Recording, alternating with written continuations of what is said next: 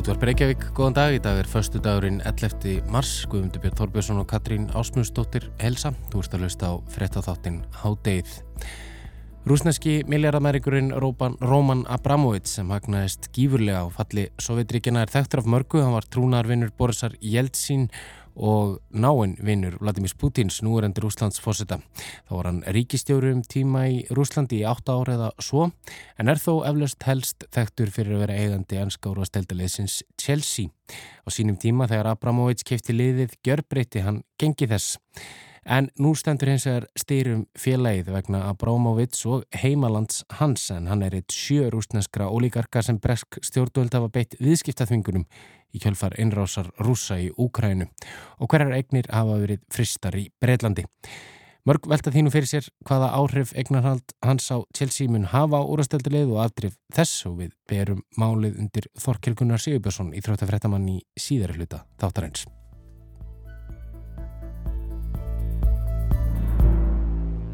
En í ljósi yfirvofandi framtalskila endurflytjum við nú pistil frá Gunnari Dófra Ólafsinni, stjórnanda hlaðvarpsins leitin af peningunum frá því fyrra um skattaundan þáur og afslætti.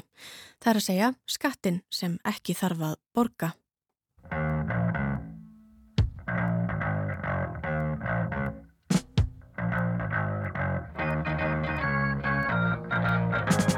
Í dag ætlum við að ræða svo kallar skatta undanþáur. Já, og dæmiðum þær eru til dæmis frádráttur frá tekjuskatti vegna framlaga til góðgerða, sérregnarspartnaður, undanþáur frá fjármastekjuskatti og það sem er kallað allir vinna. Mér langar eins og þeirra hefja þáttin á smávegis uppröfjun og einni áréttingu frá síðasta þætti. Í umfylgjurum tekjuskatt sagði ég nokkurnu einn hérna í síðustu viku að tekjuskattur er það sem er dreyið af mánadarlaunum okkar og skiptist í grunninn í tvend, skatt til ríkisins og útsvar til sveitafélagsins sem við búum í. Þetta eru bara tvö orði við saman hlutin sem fara á mismunandi staði. Hlutfall þessa skatt veldur á því hversu háar tekjur þú ert með. Þú greiðir 31,45% skatt að fyrstu svona tæblega 350.000 krónunum sem þú hefur í laun, tæblega 38% af tekjum á bylinu 350.000 og 980.000 og loks 46,25% skatt af öllum launatekjum umfram það. Frá þessu dregst svo persónaafsláttur sem á hugsa þannig að þú færð um það byl 51.000 krónur af því sem þú greiðir í skatt endur greitt. Já, þá er þetta afgreitt gunnar, en hvað með skatta undan þáðar? Ylmitt, vikjum að þessum undan þáum fjórum sem ég taldi upp hérna aðan. Þessar undan þáur virka á einfaldan hátt þannig að tekjur eða gjöld sem ættu að vera skatlaðar eru það ekki. Ríki leifir þér því að gera það sem við ætlum að tala um án þess að skatleggja þig. Og hverjar eru þessar undanþáður? Fyrsta undanþáðan er jáfnframt þeirra nýjust, skattafrádráttur frá tekjuskatti vegna framlaga til góðgerða. Með nýjum lögum var einstaklingum heimilað að draga alltaf 350.000 krónur á ári frá skattskildum tekjum vegna framlaga til almenna heitla starfsemi, það er að segja góðgerða. Það þýðir að ef þú gefur 350.000 krónur til góðgerða þá ferður tilbaka skattin sem þú varst búin að greiða af þessum 350.000 krónum sem þú vannst þér inn. Þetta er áhugaverðin álgun á það hvernig má stuðlað auknum framlegum til góðgerða og ég hveti eindrið í fólk sem er aflögufært að kynna sér þessa undanþáðu. Ég hef ekki borað mjög án í smáadriðinu hvernig fólk fær svo þessa undanþáðu en það myndi svo yfirferð ólíklega fela í sér gott útásefni. Og svo er þetta að fá undan þá frá greiðslum fjármangstekjuskatt? Jú, það er hárétt. Þessi undan þá er svolítið áhugaverð. Eins og við rættum í síðasta þætti, þá greiður 22% skatt af fjármangstekjum sem þú færð, eins og vexti af peningum á banka eða arðgreiðslum úr hlutafélagum sem þú átt. Í dag er staðan hins vegar þú að þú borgar ekki fjármangstekjuskatt af fyrstu 150.000 krónunum sem þú færð í vakstatekjur á bankareikningiðin á hverju ári. Nýleg lög bóða hins vegar að þessi fjárhæð verði tvöfölduð í 300.000 krónur og tekur nú ekki bara til vakstatekna, heldur líka til arðs sem er greittur úr félögum sem eru skráð að vera brjámarkað og líka hagnað af sölu hlutabrjöða. Þetta þýðir að þú getur til dæmis hagnast um 300.000 krónur á hlutabrjöðviskiptum á hverju ári án þess að greiða krónu við skattaði. Már Wolfgang Mixa rætti þetta einmitt í þætti af leitinni af peningunum og velti því upp hvort hinn venjulegi Íslendingur muni nokkuð tíman greiða fjármastekjuskatt meðan þessar reglur eru í gildi. Einmitt. E, þetta er mjög áhugavert en, en þau eru fleiri dæmin um skatta undan þáðan, ekki satt? Algjörlega, til dæmis átakið allir vinna. Þegar þú kaupir vöruða þjónustu þá greiðir þú yfirleitt af henni virðisökkaskatt. Þetta á líka við um vinnu yðnaðarmanna. Eigundur íbúðarhúsnaðis og þar með talið húsfélög geta hins vegar fengið þennan skatt endurgreitan af vinnu yðnaðamanna að fullu ef um er að ræða skatt af vinnu við nýbyggingar, endurbætur eða viðhald. Að jafnaði er þessi endurgreiðisla bara 60% en var hækkað upp í 100% vegna COVID þannig að þú borgar engan virðisökkaskatt af þessu. Það skildi því engan undra að sjá stillansauðan á öðru hverju húsi á landinu þessi dagrin. Bæði situr sumt fólku uppi með peninga sem annars færu í utanlandsverðir og það er ódýrara nú en venjulega að ráðast í viðhaldsfrangandir. Þessi undan það var líka við um ímislegt annað en húsnæði eins og til dæmis bílaviðgerðir. Og svo er það fjóruða og síðasta undan þáan sem við ætlum að fyrir yfir. Sérregna, spartnar og húsnæðislán. Innmitt, fjóruða og síðasta og jáfnframt yfirgripsmesta undan þáan í þessari umfjöldun er úttekt sérregna spartnar vegna húsnæðis. Hér er í raun um tvær undan þá að ræða og byrjum á þeirri nýri Hún er bundir við kaup á fyrstu íbúð og virkar þannig að hver sem kaupir sína fyrstu íbúð má nýta alltaf 500.000 krónur af sérregnarspartnaði í tíu ár til að nota ímest í útborkun, til að greiða lánið niður hraðar, læka greiðslubyrðina eða allt þetta þrent með einhverjum hætti. Og þetta er allt saman undan þegar skatti. Þú borgar sem sagt ekki skatt þegar þú nýtir sérregnarspartnaðiðin með þessum hætti sem þú myndir annars gera þegar þú verður gammal. En það er þá eitt og annað sem þarf að hafa hugavarandi sérreitna spartnaðin, hann er síndveiði en ekki gefin. Algjörlega, þarna er svona innan gæsalappa einn gildra sem ber að varast og það er best að útskýra hana með dæmi í þessu kerfi þar að segja. Og þegar þú kaupir þína fyrstu íbúð þá þarftu að eiga fyrir útborgun. Segjum sem svo að þú hafið greitt í sérregna líferi spartnað í sjö ár og þú vilt taka hann út til að nýta sem útborgun í íbúð. Það er gott og vel. Þú þart kannski á öllum þínum krónum að halda til að skrapa saman í útborgum, það er ekki óalgengt. Þarna þartu hins vegar að passa að fara varlega með áreiðin. Hvernig þá? Af þessum sjö árum sem þú greitir í sérignarsjóð þá varstu kannski fjögur ári námi og eitt í heimsreisu en vannst um vorið. Það þýðir að þessi fimm ár þá greitir þú áraðilega mjög lítið í sérignarsjóðin og þess vegna að mínum hætti er ekki þess virði að nýta þessi fimm af þínum tíu árum svona. Nærværi að taka til dæmis þau tvö ár sem þú greitir eitthvað að viti í sérregnarsjóð og nota það í útborgun en eiga hinn átta árin eftir til að nýta framtíðartekjuna þínar sem eru líklega herri en tekjuna sem þú varst með í námi til að lækka greiðslubyrðina þína eða greiða niður láni. Ef þú nýtir öll árin sjö undan þá áttu bara þrjú ár eftir og fer þannig á mis við það sem ég vil næstum því kalla ókipis penning.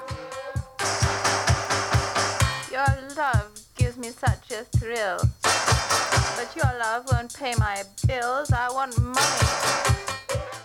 Þú talar um, um þetta sem svona ákveðna gildru eh, en að sama, sama tíma þá er náttúrulega raunin svo að flest okkar sem kannski vilja nýta sérregnarspartna en hafa einmitt ekki endilega verið á vinnumarkaði allt og lengi, verið í námi, ungt fólk og svo framvegis. Nákvæmlega og, og þess vegna held ég að það séu nokkuð margir eða mörg sem falla í þessa aftur innan gæsalappa gildur að fólk áttar sér ekki á því hvernig þetta kerfi virkar og sér bara þarna mögulegan á það að fá aðeins stærri útborgun og vil skiljanlega nota það. En mín ráð til fólks væri svona aðeins að velta þessu fyrir sér. Hvað er þetta raunverulega miklu peningar sem þú borgaðir inn í sérregnarspartnæðin ár hvert í þessi fyrri ár? Og er það þess virði að fórna einu ári af segjum sérregnarspartnæði sem myndi vera halv miljón inn á lánið eftir nokkur ár fyrir 30.000 þegar þú vannst hérna á bensinstöð með náminuðinu í mentarskóla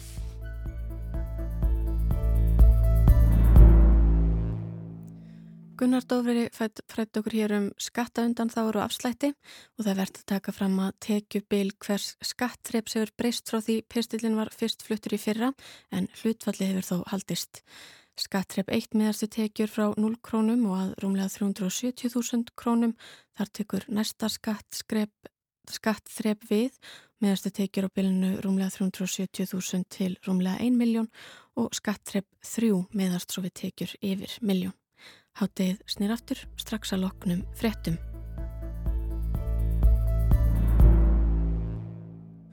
Þá yfir í Íþróttirnar eins og vanlega á förstu dögum eða Íþróttatengt mál. Róman Abramovits aukaðist gífurlega í kjölfar hruns Sovjetríkjana þegar hann fekk upp í hendurnar fjölmörg fyrirtæki sem áður voru í eigu soviska ríkisins langt undir markasverði. Hann var trúnarvinnur Borisar Jeltsin, fyrsta fórseta á Rúslands sem á núverandi fórseta Vladimirs Putin Á árunum 2000 til 2008 var Abramovic þessi ríkisstjóri í Tjúkota í norðaustur hluta Rúslands en hann er þó líklega þekktastur fyrir að vera eigandi enska úrvasteldaliðsins Chelsea. En það blæs ekki byrlega fyrir Abramovic nú, hann er einn sjö rúsneskra ólíkarka sem bresk stjórnvöld hafa beitt viðskiptaþingunum í kjölfar innrásar rúsa í Úkrænu og hverja egnir hafa verið fristar í Breitlandi. En hvað áhrif hefur þetta á frægustu Egn Abramovic, enska úrvasteldalið Chelsea? Til að svara því er hinga komin Þorkell Gunnar Sigurbjörnsson, íþróttafærtamæður. Velkomin Þorkell. Takk. Þorkell, við skulum bara byrja á byrjunni. Það er ekki, ekki ofsögum sagt að Abramovic hann er svona ja, þekktast eigandi liðs í ennsku úrvasteldinni en það er hann eiginlega svona fyrsti ofurríki maðurinn sem að kaupi lið og, og eiginlega gjör breytir gengið þess.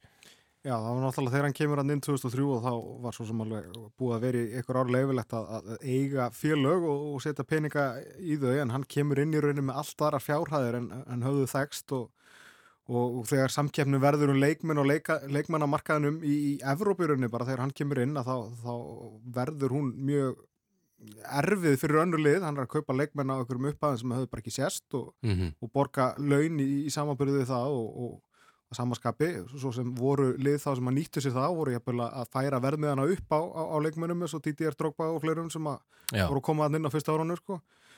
uh, til að byrja með þá svona virtist hann jafnvel ætla að fara í söpaða leður og Íslandi kannu gerði með stókar en að fá okkur að rúsa þannig fekk eh, leikmann sem heit Alexi Smertin sem að passaði svo aldrei inn í lið og spilaði mjög lítið en, en svona fóru eiginlega strax frá því og þetta átti bara að vera Ég, ég held að þetta hafi nú ekkit endilega verið keift til þess að velta peningu fyrir hann heldur meira bara svona sem áhuga mál sem að hann ætlaði svolítið svona að skreita sig með því að hann ætlaði að vinna alla titla sem í bóði voru og hefur nú gert það, bú- búin að vinna átján stóra titla Mm á þessu 19 árum en, en náttúrulega leikmannaveltan við talum ekki um knaspundustjóra veltan hefur verið alveg gríðaleg því að það er alltaf krafa á árangur fyrst að það er verið að setja peninga í þetta þó að það sé misjald eftir árum. Einmitt, og er ekki rétt muni hefur eða Smári Guðansson, hann var í rauninni þegar að Abramovic kaupir liðið og verður svo svona já, er svona ítt út uh, hægt og bítandi með, með tímanum. Fyrir hann ekki, Já. hvað er ekki 2007 sem hann er svo farin til Barcelona? Já, og hann keiptur hann held ég hvað við allir sem að Já, er látið fara þegar, hérna, þegar Róman kemur eða hvort að Ranieri var komin þetta var svona á einmitt, þessum einmitt. tíma sko. En eh, eins og segir, þá hefur hann unnið átjón stóra titla, hann hefur unnið, unnið ennskúrastildina, eða Chelsea hefur unnið ennskúrastildina fimm sinnum eh, frá því að Abramovic eh, kifti liðið, að fimm sinnum unnið byggarinn, þrísasunum unnið ennska dildabyggarinn, unnið mestardeildina tvisasinnum og, eru ríkjandi Európumestarar og eru ríkjandi árumestrar já og unnu svo, svo uh, heimsmestarakeppni í félagslega fyrsta skipti núna nýverið. Um, en núna uh, já, horfir þetta öðruvísi við að það er búið að frista eignir Abramovic í Breitlandi og, og þar að meðal Chelsea hvaða, hvaða áhrif hefur þetta á, á lið sko, Chelsea má spila sína leiki og uh, má standa við sína skuldbendingar gagvart stuðningsfólki sem á miða nú þegar, það er að segja ásmiðahafar og þeir sem eru búinir að kaupa miða á, á heimalegi Chelsea sem eru framöndan mm -hmm. uh, að öðru leiti og um að borga leikmennu laun Mm -hmm. en að öðru leiti eh, og, og starfsfólki en öðru leiti þá er bara fyrir að takmarka virðist vera sem Chelsea má gera augnablikinu. Uh, búðunum sem að eh, eru reknar og, og varningur uh, seldur með Chelsea merkjunu þeim var lokaði gera því að þau bara veit ekki hvað þau með að gera í rauninni og, og, og, og hvert peningurum fer að því að ekki fer hann neitt inn í inn en að hýta því að bara eignunar eru fristar og, eignin er í eigu Róman Abramovits. Uh, hótelið sem er reykjað á Stanford Bridge má ekki taka við neinu nýjum pöntunum og, og, og, og það er ímislegt svona og, síðan þurfa þær að skala niður til dæmis ferðakostnað, þeir geta ekki farið bara einhvað þóttum í einhverja leiki núna og gista á, á luxushótelum heldur þurfa að skera niður ferðakostnaðina því að nú er raunni breska ríki sem að sem að svona he- heldur utanum þetta allt saman. Þannig að það eru mikla breytingar þarna og, síðan er uh, uh, síma fyrirtækið eh, eða fjarskita fyrirtækið Þrýr sem er hérna, framan á treyjónu þeirra og, og aðal bakhjarlinn baðst eh, í gær, eða bað í gær um það að, fara af treyjónum sem sagt, vilja Mm. ekki kenna sig við Chelsea í augnablikinu sko. Einmitt. sem er nú kannski ákveði leikrið svona af hverju núna Já, já, já. En það er sem sagt þannig að, Abramovits og, Putin eru búin að vera vinnir í mörg, mörg ár sko, svo við náttúrulega hóst ekkert í gerð sko. það er náttúrulega ástæðan fyrir þessu öllu saman. Abramovits er svona einn af þessum, þessum ólíkörgum eða mönnum sem högnuðist alveg ofbóstlega við, við hrun Sovjetríkina og fengur svona ríkisegnir í, í bara eða næstu ókipis.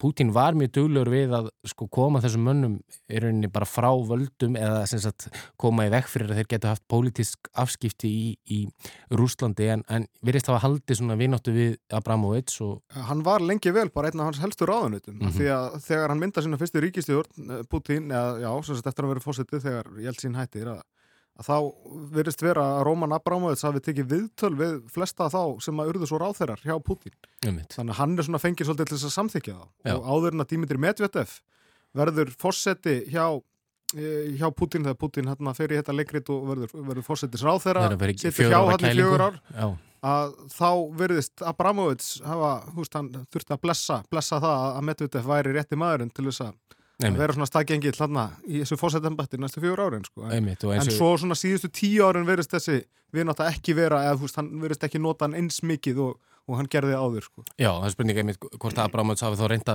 reynda fjarlæði sig svolítið frá Putin en það er ekki, ekki hefnast betur en svo að við sjáum að það er búið frista eignarns í, í Breitlandi og þú talaður um á hana að sko hérna, ásmiðahafar, þeir með að halda áfram að mæta völlin því er þetta þá að völlurinn að Stanford Bridge verður svona hálf tómur eiginlega? Eða það verða 30, 30 manns eða eitthvað svoleiðis eða hvað eru margir sem, að mega, sem eru ásmiðahafar Já, sko, og miðar sem eru seldir nú þegar sko. Já, en já, það verður bara góð spurning og verður eiginlega bara að koma í ljós hvort að völlurinn verði hálf tómur á næstu leikjum eða, eða hvort að sé búið að selja allar sem miða eitthvað fram í tíman sko. og svo mun þetta hafa náttúrulega við erum strax svona að sjá það að þetta mun hafa áhrif á sko samningstuðu Chelsea á leikmannamarkaði, það eru þarna leikilleikminnileginu Cesar Aspilicueta og Mikael uh, Rúdikar meðal annars sem að er að renna út á samningi. Því er þetta ekki þá að þeir mega ekki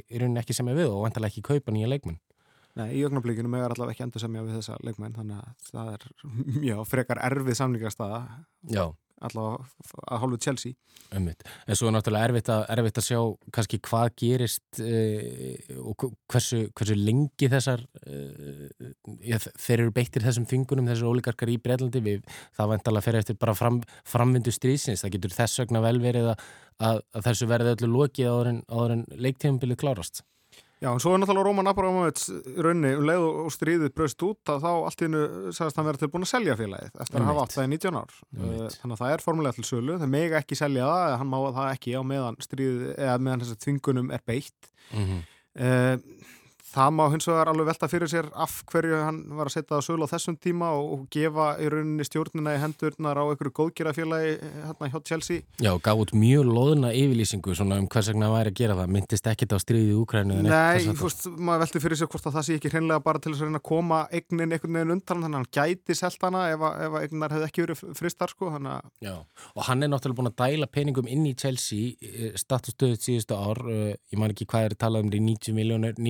dæla peningum inn í Chelsea statustöðut síðustu ár uh, ég man ekki hvað er talað um þetta í 90 miljónur 90 miljónur punta á ári eitthvað svo leiðis sem hann er búin að innan gæsalappa lána Chelsea og, og þannig, að þannig séð stendur uh, Chelsea í skuld við hann en hann hefur sagt að hann ætla ekki að í rauninni krefast þess að fá þessa peninga tilbaka Nei, Já. ég, ég, svo sem þekki það ekki nákvæmlega, sko, en, en, en hérna, já, það verður allavega áhugavert að sjá hvað gerist með, með þetta, en, en þeir eru náttúrulega búinir að, að sko, bresk stjórnvöld þó að þessi fyrirst hafa verið að, fatta það í gær, loksins að þessi tengslans við, við Putin, mm sem að ég kaupi nú ekki alveg en, en þá er samt alveg búið að reyna að loka á hann það er ekkit mörg ár síðan að hann fekk í rauninni ekki að koma inn í Breitland -hmm. lengur að því að, að, að landvista leifið hans eða að vegabriðsárutin var var ekki gild lengur, þau voru svona að reyna að loka þess á hann Mhm. en, þá hins vegar fór náttúrulega Ísrael og fekk Ísraelsk ríkisfang og er núna, ég held að hann sé með ríkisfang bæði í Rúslandi, Ísrael og jafnvel í Portugal Já, Þannig að þá gæti hann fengið einhvern veginn vegapriðsáratun eftir þeim krókaleðum en það voru samt held ég, hvort það voru tvö eða þrjú ár sem að hann bara mátt ekki sækja heimalegi á Stamford Bridge. mm en er það rétt skilið eh, þá að, að, að, að það, ekki, það sé ekki hægt að selja Chelsea á meðan að, að, meðan að staðan er svona? Og, en, en það er enga síður uh, nokkrir áhuga samir kaupindur Já, meðal annars uh, Nick Candy held ég hann heiti, hann bara breskur að og það er mjög áhugavert ef að ef að svona stór klúpur svo Chelsea færi eigu breyta því að þó að þetta sé í, í ennsku úrvalstildinni þá eru bara fimm lið af 20 í ennsku úrvalstildinni sem eru meiri hluta eng englendinga. mm Hinu 15 klubbarnir eru bara í eigu, já, það eru kínverjar og bandarækja menn mjög mikið og, mm -hmm. og svo náttúrulega sátatnir sem að kjöpti Newcastle þannig að þetta er svona Það eru sátar sem eiga Newcastle, það eru, það eru uh, katarar sem eiga Manchester City Uh, Paris, nei, nei, nei, Dubai segir já, já, og, og svo eru það, það Katara sem eiga Paris Saint-Germain. Uh, segir okkur þetta ekki svolítið eins og þessi staða núna, er ekki bara best að, að fókbaltiliði sem er heldur með uh, sé ekki í eigu einhverja vafasamra auðkífinga sem að hagnast með svona hætti? Því að ég myndi ekki, ég held, nú held ég ekki með Chelsea en mér þetta ansið leðilegt ef mitt lið er alltaf bara að setja einhvers konar greistustöðun af því að, að, að eigandi liðsins er, er vafa sama fórtíð. Sko, við getum orðað þannig að liðið sem þú heldur með er ekkit lengur fótbolltalið og hefur ekkit verið í mörg ár heldur bara stórfyrirtæki mm -hmm. þannig að á endanum þá ertu bara að halda með stórfyrirtæki Já, það er svo leys sem er tuppað upp sem fótbolltalið og, og við elskum að fylgjast með og, og, og fögnur sem slíkum en, en, en þetta er náttúrulega ekkit annað heldur en bara stórfyrirtæki þar sem að já, helstu starfsmenn eru á miklu, miklu, miklu hærri launum heldur en, heldur en hinn meðal maður. Við komumst ekki lengra með þetta kæra það ekki fyrir komin í hátegi Þorkild Gunnar Sigurbjörnsson. Hátegið er á enda þessa vikuna. Við verum hér aftur á sama tíma eftir helgi.